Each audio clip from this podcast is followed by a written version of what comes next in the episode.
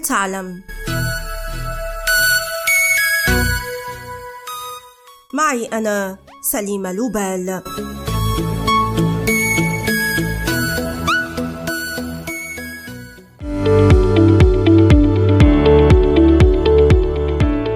التحضير لحفل الزواج عندنا صعب ومكلف ومرهق ويمكن أن نطلق عليه أي وصف إلا أنه في الهند صناعة من بين الصناعات العملاقة.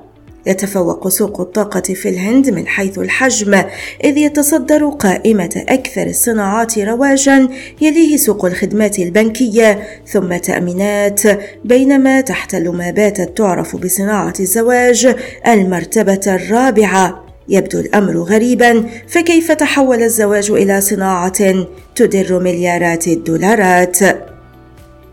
يولي الهنود أهمية كبرى لحفلات الزواج لذلك يحرصون على إقامة حفلات باذخة مما عزز انتشار شركات توفر خدمات في مجال الديكور وهندسة الصوت وأيضا مونتاج الفيديوهات وحتى كتابة سيناريوهات حفلات العمر.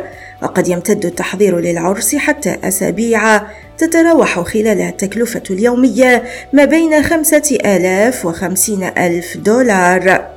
وتختلف هذه التكلفة بحسب المناطق. فلكل منطقة عاداتها وخدماتها الخاصة أيضا وأما في بعضها فقد يمتد العرس لأيام وليال. ووفق اتحاد All India Traders الذي يمثل الشركات الصغيرة والمتوسطة في الهند فإن الإنفاق السنوي على هذه الخدمات من وسطاء الزواج إلى منظمي الحفلات مرورا بفرق التصوير والمونتاج يمكن أن تفوق 130 مليار دولار.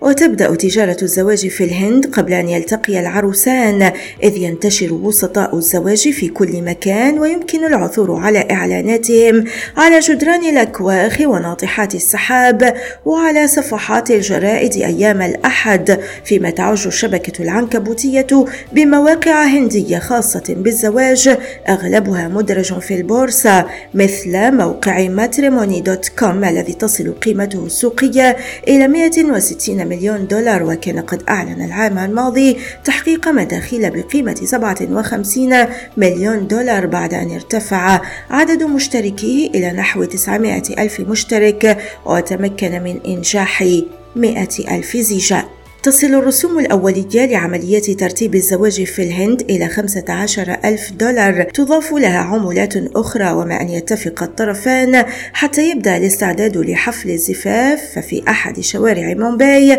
تصطف أكثر من سبعين شركة الواحدة تلو الأخرى وجميعها مختصة في تصميم الدعوات وطباعتها فقط. هذه الدعوات ليست متشابهة فبعضها شخصي جدا مثل الدعوات التي أرسلها الملياردير موكش أمبابي العام 2018 بمناسبة حفل زواج ابنته وتلقى خلالها الضيوف طرودا تتضمن أربع علب صغيرة تحتوي على مجوهرات وحلويات فاخرة. بسبب الزيجة أيضا تعد الهند أول مستورد للذهب في العالم إذ بلغت قيمة وارداتها 46 مليار دولار العام الماضي. فالعائلات تبدأ بتجهيز بناتها وشراء الحلي بعد أسبوعين فقط من الولادة. ويشارك في تجهيز مكان الحفل مهندسون معماريون ومختصون في الديكور والورود والألعاب النارية. وأيضا ملاك الفنادق إذ تؤكد سلسلة تاتا وهي أكبر سلاسل الفنادق في الهند بأن حفلات الزفاف تمثل 20% من مداخيلها السنوية. والأدهى في الهند أن كل الزيجات حتى المتواضعة منها تتطلب تحضيرات واستعدادات كبيرة بينها اقتناء كميات من المواد الغذائية علاوة على الاستنجاد بخدمات طباخين وفرق رقص وغناء.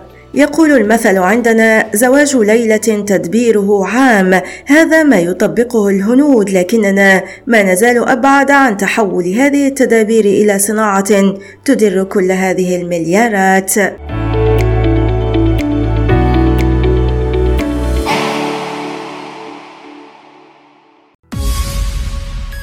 والآن إلى اللقاء مع حلقة جديدة من بودكاست هل تعلم؟